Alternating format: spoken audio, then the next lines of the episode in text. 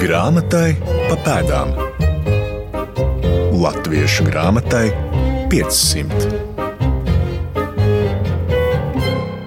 Labdien! Mans vārds ir Toms Streibergs, un es sveicinu jūs, mani dārgie grāmatu pēdziņi. Šodienas epizodi mēs iesākam fantastiski glaznainā vietā, Gaujas malā starp āņiem un īļķeni, un ar mani kopā šajā vietā ir Ādažu novada vēstures pārzinātāja, pētniece Elita Petersona. Labdien!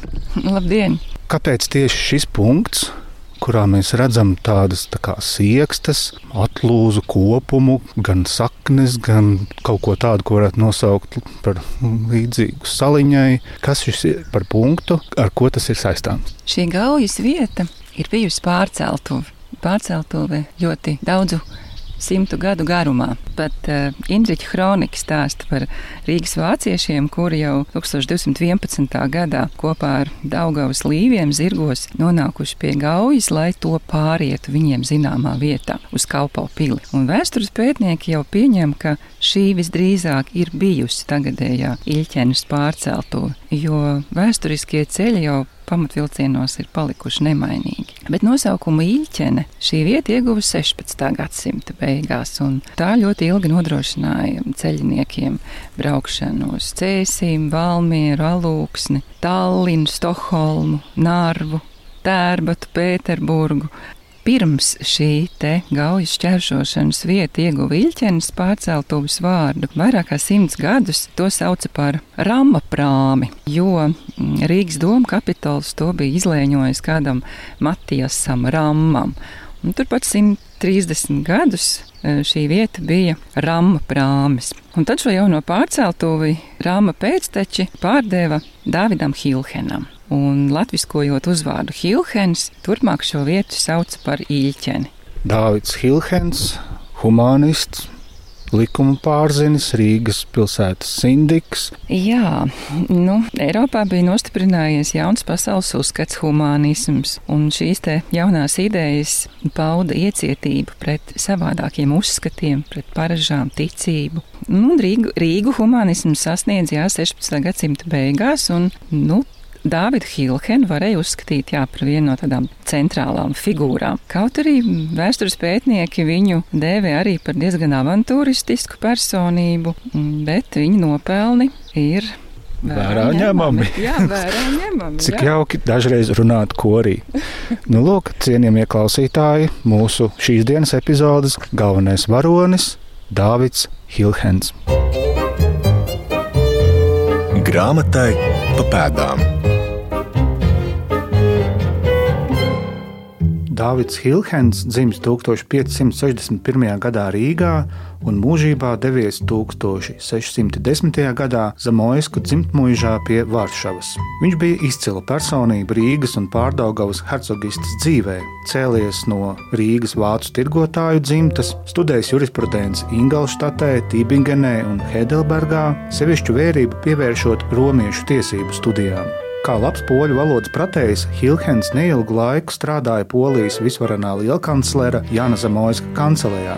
1585. gadā kļuva par Rīgas rātas sekretāru, bet pēc tam bija Rīgas pilsētas sindiks, tātad jau 28 gadu vecumā ieņēma amatu, kuram bija liels svars Rīgas pilsētas tieslietās, pārvaldē un politikā. 21 reizi Hilhens piedalījās pilsētas sūtniecībās pie Polijas karaļa vai arī Seima, cits starpā kārtodams arī Rīgas rātē tik nepatīkamo kalendāra nemieru lietu. Kā norāda vēsturnieks Teodors Zeits, Hilhena darbība vērtējama divējādi. No vienas puses, ļoti nozīmīga un pozitīva ir viņa darbība kultūras laukā. Būdams aktīvs humanisma kustības dalībnieks, viņš veicināja pilsētas bibliotēkas paplašināšanu, ar viņa gādību tiek nodibināta bāriņu tiesa, izdarīta savam laikam progresīva skolu un rātes kancelējas reforma. Tieši pateicoties Dāvida Hilhena uzaicinājumam 1588. gadā tipogrāfs Nikolaus Smolīns pārceļ savu grāmatas piestuvi no Dorthedas, Nīderlandē, uz Rīgu. Privātajā dzīvē Hilhens bija Rīgas birģermeistaru Franča Nienstedes znots, kas iespējams nebija maz svarīgi, īstenojot iecerētos projektus.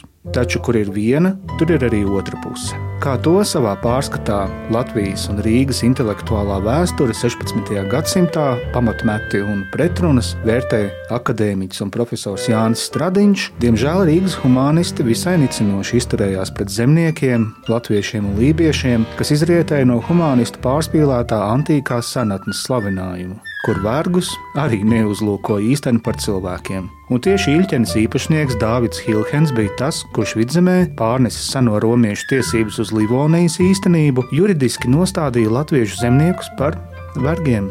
Pēc postošajiem Livonijas kariem un epidēmijām vietējie mužnieki laupīja pēdējās zemnieku brīvības paliekas, pierakstīja viņus mužai, atņēma jebkuras cilvēktiesības. Poļu Zviedru kara laikā Ilķenes īpašnieks tika ierauts politiskās intrigās un apsūdzēts valsts nodevībā. Viņam piesprieda nāves sodu, atņēma īpašumus un nodedzināja arī Ilķenes mūžu. Paspējis aizbēgt no saviem nelabvēliem, Hilhens iestājās Polijas Lietuvas karaspēkā un kopā ar draugiem piedalījās kaujās pret Zviedriem.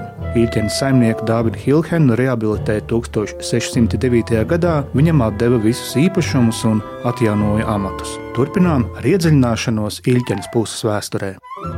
Mēs pētām Johana Kristofa Broces grafikas, zīmējumus izdevumā, kuru Elita Petersona ir sastādījusi, kas ir veltīts Ādašu novada vēsturei. Un te mēs arī redzam 1795. gadā tapinātu, nu, kaut arī fragmentu no lielā broces krājuma monumenta pārceltu pie Ilķenes un arī Ilķenes mūža.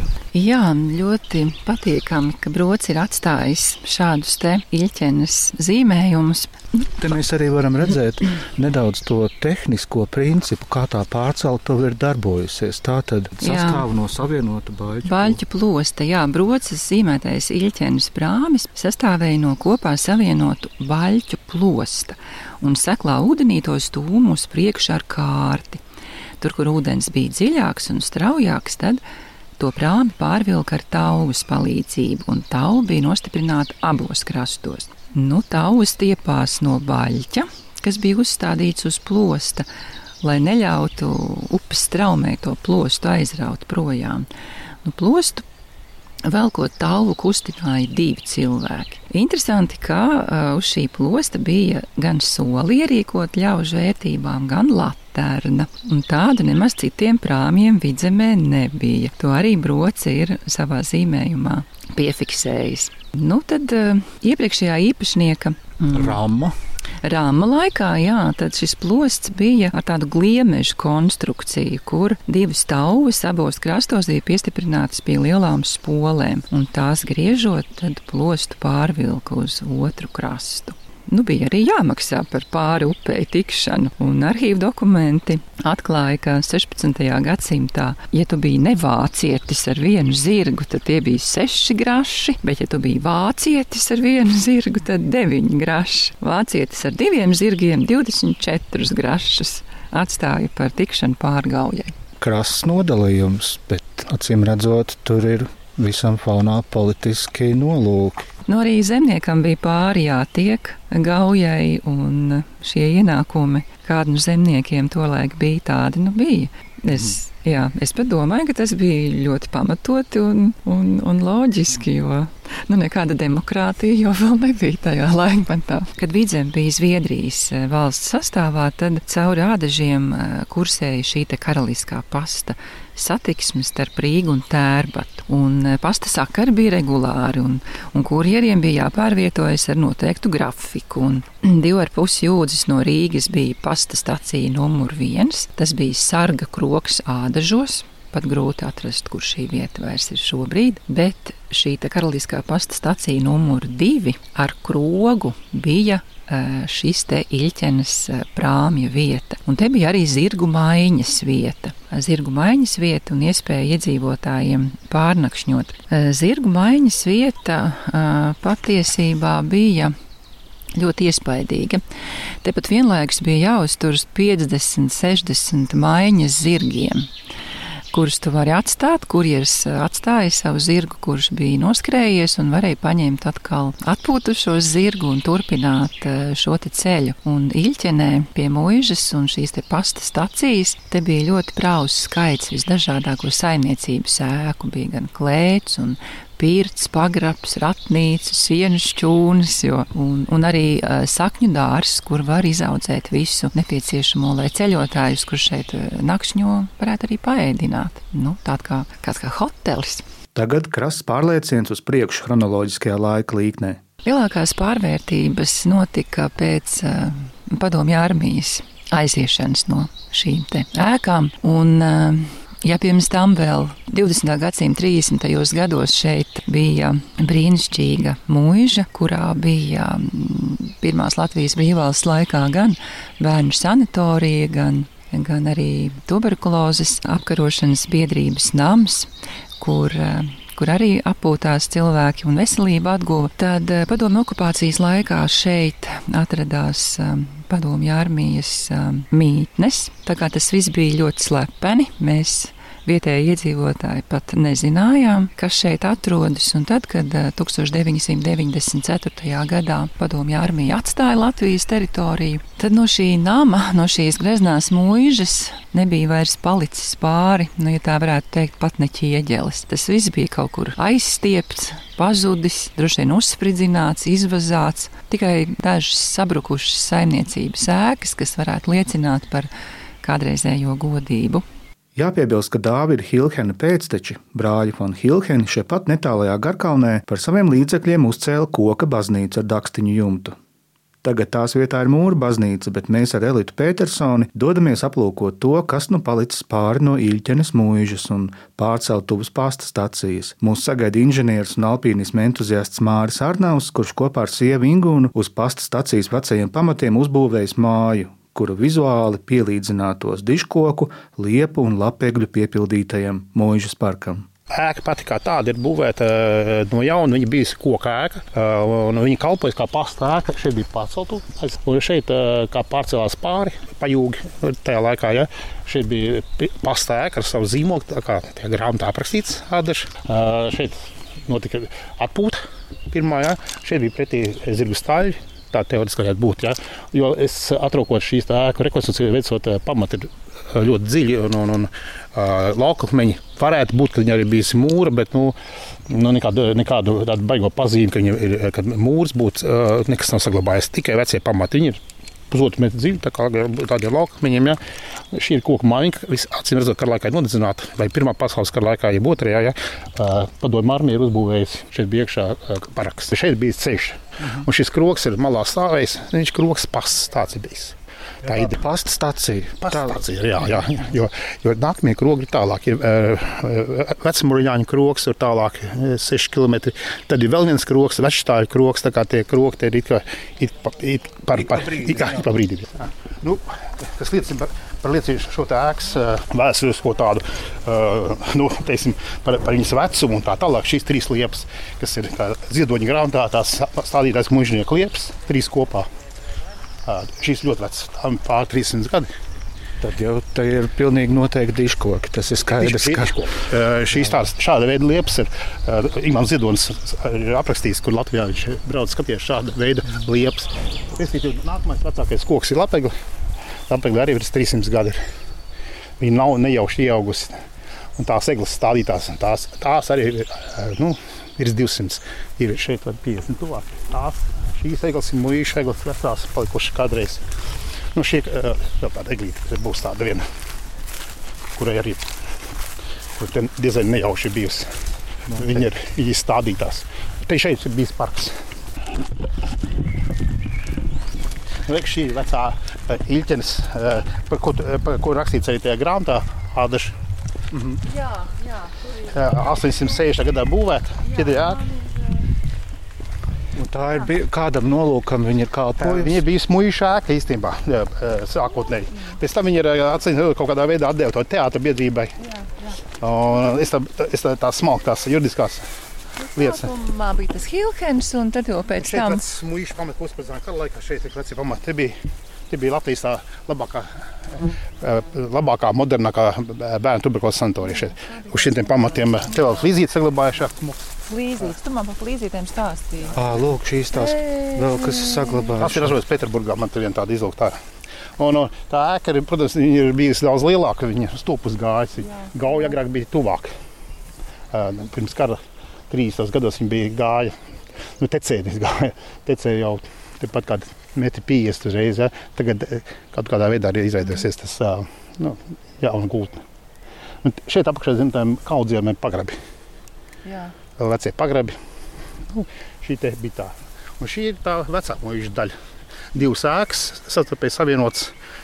Tā mazā sargumāņa, kad brauc iekšā, teiksim, nāca iekšā pārliek pajūgi vai kas, vai tehnikā, ja, tad, tad tā bija tāds arī piebūvēts kaut kas klāt, ja, bet var redzēt, ka virs logiem vecie, vecās, vecās pārsedzes tīļveida. Nu, te, šeit bija Baltijas kara apgabala štābs. Izpētes augsta. Dāvida Hilhena figūra ir cieši saistām ar vēl vienu Rīgas humanistu, neolatīniskās dzejas pārstāvi Danielu Hermani. Par viņu stāsta Latvijas Universitātes Akademiskās bibliotēkas rokrakstu un reto grāmatu nodaļas vadītāja Aita Aimiņa. Viņš ir dzimis Prūsijā, Nidā, kas tagad pieder Polijai, viens no pilsētas brīģermeistara dēliem, kurš jau agri ir uzsācis akadēmisko ceļu. Nepavēlti Daniela Hermaņa pēc nāves izlasē ir trīs daļas, un viena no tām ir Vīta akadēmika, akadēmiskā dzīve. Šis akadēmiskais ceļojums pa Eiropas universitātēm viņam ir ilgs vairāk nekā piecus gadus kur viņš tikai nav studējis un kādus intelektuālus viņš nav iepazinis. Kenigsberga, Vitsenberga, Ingolštate, Helmštate un viena no visnozīmīgākajām vietām ir Strāsburga. Jaunais Hermans visur studē. Viņš studēja vēsturi, filozofiju, valodas, viņš mācās. Viņš mācās pat arī geoloģiju un geogrāfiju, to viņš dara Vitsenbergā. Vispusīgas intereses. Ar Hermani mēs satiekam vēlīnās renesanses cilvēku, humanistu. Kāds no vēlākiem biogrāfiem ir teicis, un šis humanistu lokus izveidoja sev vienotu starptautisku humanistu republiku, kur visi runāja latīniski un lasīja grieķiski. Dānijas Hermans izpelnās godu un tiek iecelts par Rudolfu II sekretāru. Un sākās jaunā filologa, latīnista, humanista galma dzīve. Tas ir Habsburgu galms, tā ir Prāga, tā ir Vīne. Daniels Hermans ir cilvēks, kas ir redzējis vienu no visspožākajiem Eiropas galmiem. Bet līdz ar imperatoru Maksimiliānu II nāvi, kad tronī kāpa viņa dēls nu jau visur Svētās Romas impērijā, drusku mainās Hermaņa mm, dzīves situācija, jo šis imperators vairs nav tik tolerants pret protestantiem. Viņš ir tīrs savā pārliecībā katolis. Un attālinās no gauma tie, kas nav katoliski cilvēki. Un tā Hermanim nākas atgriezties dzimtajā pusē Prūsijā. Viņš kļūst par Dancigas pilsētas rakstvedi notāru. Viņi iemanto cilvēku, kas zina galma dzīvi. Apdāvinātais latīnists dzinieks kļūst par Dancigas sūtni pie polijas karaļa. Un tā sākās Daniela Hermaņa kara dzīve pie Stefana Batorija. Pie Stefana Batorija, ko viņš visu dzīves, turpmāko dzīvi pieminēs ar uh, cieņu un godu, viņš tāpat iemanto karaļa sekretāra amatu. Un līdz ar Stefanu Batoriju dodas ar viņu kara pulkiem dodas uh, Krievijas kara gājienā. Tā Rīgā nonāk Daniels Hermans 1582. gada, jādomā 1. martā. Un te klausītāji varētu pie sevis dungot slaveno dziesmu. Raimonda Paula un Jāņa Petera, Jā, Rīgā Stefans Patorijs un prasa, kas ir Rīga. Un burši zveļi kokā sēž un rāda viņam piku. Un Rīgas rātei ir pienākums izmitināt visu šo godājumā polijas karaļa pavadoņu pulku. Natēls Hermans ir iemitināts kādā namā. Šī nama saimniece ir jauna atraitne vārdā Ursula Krēgera. Paiet mēnesis, Daniels Hermans ir iemīlējies.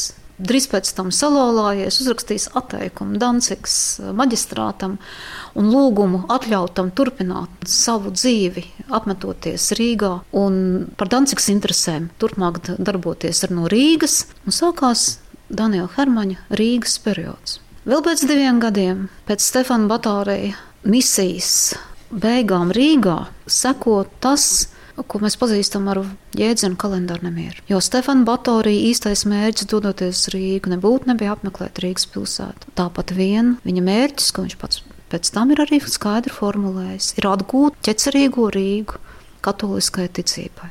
Un stāsts, kas rīzniekus ārkārtīgi satrauc, samulsina un aizvaino, ir ķēniņa prasība atdot katoļiem divas Rīgas baznīcas - Jēkab baznīca un Doma baznīca. Un pēc diviem gadiem sekot, nākamā ķēniņa prasība ieviest citu kalendāru, Gregora kalendāru. Tie ir kalendāri nemieri, tie ir seši, gandrīz seši gadi. Dumpja, bīstama, asiņaina, nežēlīga, visas dusmas, pretrunas un naids izsprāgst ārā. Rīdznieki dalās dažādos grupējumos un cīnās arī viens ar otru. Ir rātas puse, karalim lojālā varas puse, ir dumpīgie rīdznieki, ir vienkārši cilvēki, kas piedalās nemieros un grautiņos. Un tad Daniels Hermans satiekās ar Davidu Hilhenu. Abi humanisti pārstāvēja dažādas paudzes. Vecuma starpība aptuveni 20 gadu. Šī satikšanās notiek, kad Hilhens ir atgriezies dzimtajā Rīgā pēc plaša akadēmiskā ceļojuma, laikā, kad kalendāra nemieri ir savā bīstamākajā stadijā. Ņemot vērā viņa labo izglītību un latīņu valodas zināšanas, Hilhenu uzaicina amatā par Rīgas rātas sekretāru. Karaļa Stefana Batorija ieskatā starppilsētu sarakstē ir jānotiek tieši latīņu valodā, un te nu Hilhens ir īsti vietā, nekā viņa priekštecis, kuram ar šo valodu bijušas grūtības. 1589. gadā, kad jau divi rīznieki, kurus uh, dumpīgās aprindas uzskata par pilsētas nodevējiem un polijas karaļa interešu virzītājiem ir sodīti publiski ar nāvu pēc spīdzināšanas, un citi ir bēguši. Polijas karalis grib šos nemierus tomēr beidzot nomierināt. Pilsētā tuvojās Fārenspacha karavadoņa karaspēks. Ir visai reāli militāri draudi, un finansiāli draudi ar lieliem līgumsodiem, ar lielām kontribūcijām. Un tad Dāvida Hilhena uh, spējas risināt konfliktus un diplomātiskās dāvanas izpaužās pirmo reizi un ārkārtīgi spožā formā. Hilhens veido līdz šim brīdim labi pazīstamā saucamā Severīna dienas līguma projektu. Tas ir saistīts ar Svēto Severīnu. Tas ir kalendārs, tie ir kalendāra svētki, un šie kalendārie svētki, šis līgums iemanto tā parakstīšanas uh, dienas vārdu. Tā ir Severīna diena. Un šis Severīna dienas līgums, ko viena rīznieku puse uzskata par pazemojošu apkaunojumu, bet otra rīznieka puse pateicās par to, ka beidzot ir iestājies miers un šis lielais militārais un finansiālais un juridiskais apdraudējums un nemiers un dumps ir beidzot izlīdzināts un beidzies, ir saistīts tieši ar Dāvida Hilhena vārdu. Un tajās runās ko karaļa komisāri saka Rīgas rātē, un ko Rīgas rāts pārstāvis Dāvids Hilhens atbildot runā, pievienojas arī Daniels Hermans. Tāpat sveicinādams Rīgas rāti, kur beidzot ir spējis atrast izlīdzinājumu. Un Moliņš šīs runas nodrukā. Viena grāmata ir latīņu valodā, un otra grāmata ir vācu valodā. Aplaus Rīgas rātē Daniela Hermaņa latīņu dzējojums par godu Severīna dienas līgumu un izlīguma parakstīšanai. Atklājam tekstus! Latīniste un Dāvida Hilhena pētniece Kristīna Vīdinga kopā ar kolēģiem Tartu Universitātē strādā pie viņa vēstuļu apkopojuma trijos sējumos. Tas tiks izdots Minsterē pētījumu ciklā Baltijas literatūriša kultūra, Baltijas literārā kultūra. Šajos sējumos būs iekļauta gan Hilhena paša sūtītā, gan saņemtā korespondence, kurā ir ap 700 vienību. Vēstules ir gan lietišķa rakstura, gan rakstītas kā citas personas pārstāvim, gan arī saraksti ar domu biedriem, citiem Rīgas humanistiem žurnālistiem. Kristīna uzsver, ka vēl bez šiem grandioziem izdevumiem ir svarīgas mazākas publikācijas par vēstuļu nozīmi gan vācu, gan angļu valodās, jo tās ilustrē savstarpējās komunikācijas formas raksturu tā laika Livonijā, ļaujot izdarīt secinājumus par agrīnās modernitātes pirmsākumiem, rakstītā vārdu komplektācijās un izteiksmes attīstībā. Manuprāt, Hilhena attieksme bija ļoti neparasta salīdzinot ar citiem humanistu tekstiem, kurus esmu lasījusi, no kuriem daļa autoru bija pieskaitāma viņa draugiem, un daļa, jāsaka, kā ir ienaidniekiem. Viņam tuvāki bija vadošo Eiropas humanistu uzskati nekā tie, kurus lokālās tradīcijas mērogā pārstāvēja rīdznieki. Savās studijās viņš ļoti koncentrējās uz juridisko teoriju, likumiem likumiem un to izstrādāšanu. Atšķirībā no citiem studentiem, kuri savā studiju procesā apguva plašu tematu loku, Hilhens gan Ingelštatē, gan Tibingenē un Heidelbergā koncentrējās tikai uz romiešu likumu, nevis kādu citu juridisko kanonu. Savu nezināšanu par pēdējo no pieminētajiem viņš nereti uzsvērs arī vēstulēs. Tas, kas būtu attiecināms uz viņa interesēm par pedagoģiju, tur viņa lielais iedvesmotājs bija Melanchtona skolnieks Johans Kasēlijs no Helmštetes un flāmu filozofs humanists Justus Lipsjus. Un tomēr arī no šo domātāju darbiem Hilhens īpaši izsijāja tos elementus, kuri saistāmi ar juridiskiem jautājumiem. Neskatoties uz šo aizrautību, Hilhens nepasniedza jurisprudenci nevienā universitātē, bet izmantoja savas zināšanas dažādām praktiskām vajadzībām, sevišķi jau tad, kad viņam pašam bija jāizstāv tiesas procesos Varšavā un Krakovā. Te jāpiemina Hilhena zemes tiesību projekts. No 1599. gadā izstrādātā zemes tiesību kodeksa viena kopija ar virsrakstu Līflandīša Landrechte un Konstituciones glabājas Latvijas valsts vēstures arhīvā. Kodeks daudzkārt zinātniskajā literatūrā ir analizēts, tomēr nav ticis iespiests. Karam sākoties, tas arī neieguva likuma spēku un palika tikai projekta līmenī. Tomēr vidzemē līdz pat 1630. gadam kodeks piemēroja vidzemes tiesās kā pagaidu likumu, līdz tā vietā stājās Zviedru jurisdikcija un Zviedru varas izdotie likumi. Latgalē Hilhenas zemes tiesību projekts bija spēkā kā pagaidu likums līdz pat 1677. gadam, kad to aizvietoja Lietuvas statūts. Tas bija pirmais likuma krājums, kas deva dzimtcilvēka definīciju, uzsverot romiešu vērturu tiesību ietekmē dzimtcilvēka zemnieka pilnīgu atkarību no viņa dzimtkunga kā personas tā mantas ziņā.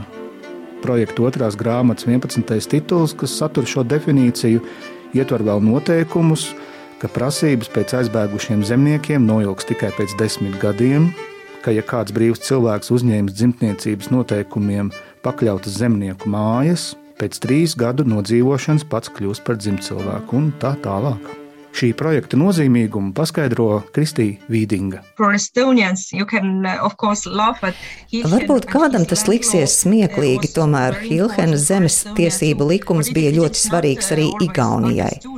Nevarētu gan teikt, ka paši Igauni to diez cik labi zinātu, jo primāri šis dokuments koncentrējās uz norisēm tā laika Latvijas teritorijā. Taču tobrīd tā dēvētajos poļu laikos Igaunijas dienvidu daļa piederēja Livonijai.